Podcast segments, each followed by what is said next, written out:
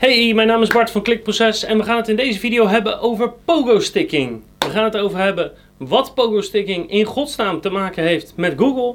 Waarom het cruciaal is om te weten wat het is en wat het, dat het bestaat. En ik ga je natuurlijk precies uitleggen wat je daarmee aan moet om te zorgen dat je hoog komt te staan in Google. Dus wat is pogo-sticking? Nou, ik zal het even hiernaast illustreren.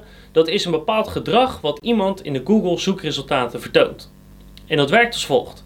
Iemand googelt op een zoekwoord, klikt op het bovenste resultaat, gaat naar de website en klikt vrij rap daarna terug met de browserknop in Google, klikt op resultaat nummer 2, gaat daarheen, klikt weer terug, klikt op resultaat nummer 3 en weer terug en zo stuitert hij van resultaat naar website en weer terug. Waarom is dat gedrag zo belangrijk? Omdat Google dat zeer waarschijnlijk ziet als teken dat het resultaat waar iemand op heeft geklikt en weer terug heeft geklikt, niet bevredigend was voor de behoeften van die zoeker. En dat kan betekenen dat Google de zoekresultaten daarop gaat aanpassen. Want als een bezoeker een zoekwoord intikt en die stuitert van resultaat naar zoekmachine, van resultaat naar zoekmachine en weer terug, maar hij klikt op jouw resultaat als nummer 5 bijvoorbeeld, gaat naar jouw website en klikt vervolgens of niet meer terug of hij gaat wel terug, maar hij verandert bijvoorbeeld zijn zoekopdracht. Dan is dat een heel sterk teken voor Google dat jouw resultaat iets heeft gedaan wat die andere resultaten niet voor elkaar kregen. En als dat in een bepaalde frequentie gebeurt ten opzichte van het zoekvolume, is dat een heel sterke indicator voor Google dat jouw resultaat waarschijnlijk belangrijker is dan die andere. En daardoor gaat hij je langzaam maar zeker omhoog zetten. Dus dat jij degene bent die de pogo stick of het pogo stick effect onderbreekt, is echt super belangrijk. En dan zou je afvragen, maar hoe doe je dat dan precies? Hoe onderbreek je dan zo'n pogo stick effect? Nou, dat is eigenlijk niet zo heel ingewikkeld. Eén, je moet zorgen dat jouw pagina een prettige pagina is om op te landen. Dat betekent dat hij snel laat, dat je geen irritante pop-ups hebt of drie pop-ups hebt in 20 seconden. En dat met name de bovenkant van de pagina met een mooi woord above the fold, dus wat iemand als eerste ziet, dat die eerste koptekst, die eerste afbeelding, die eerste inleiding, dat die aantrekkelijk en duidelijk genoeg zijn, zodat iemand verder gaat lezen en makkelijk kan vinden wat hij zoekt. Daarnaast moet je natuurlijk voor zorgen dat, um, dat er geen andere verwarrende dingen zijn, zoals uh, een video die meteen gaat afspelen die je slecht uit kan zetten, of dat er een advertentie in het scherm komt die je niet wil hebben.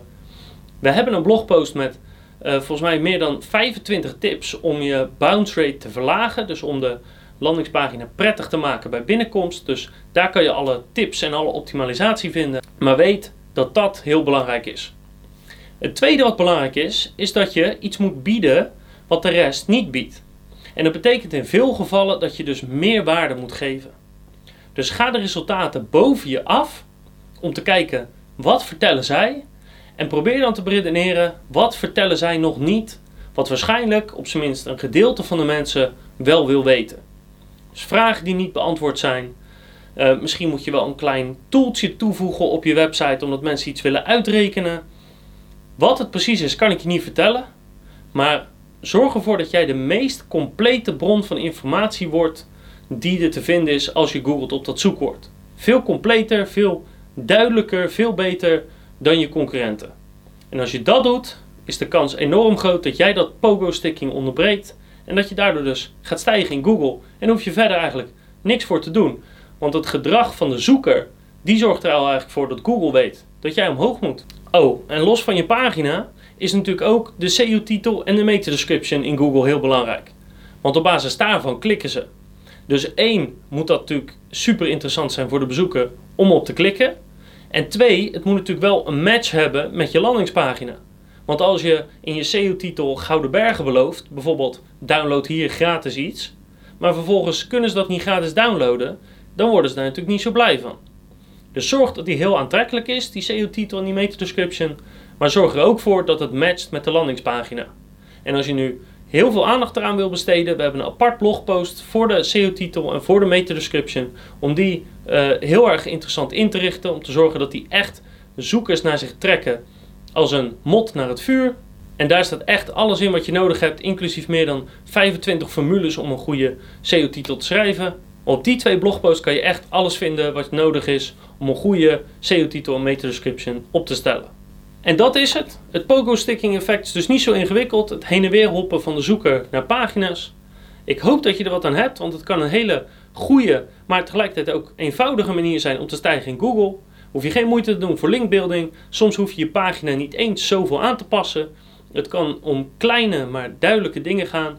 En vergeet het above the fold niet. Vergeet het stuk bovenaan je website niet goed na te lopen. Ik zie je graag terug de volgende keer. Want dan ga ik je nog veel meer advies geven over SEO, over YouTube, over voice en over conversieoptimalisatie.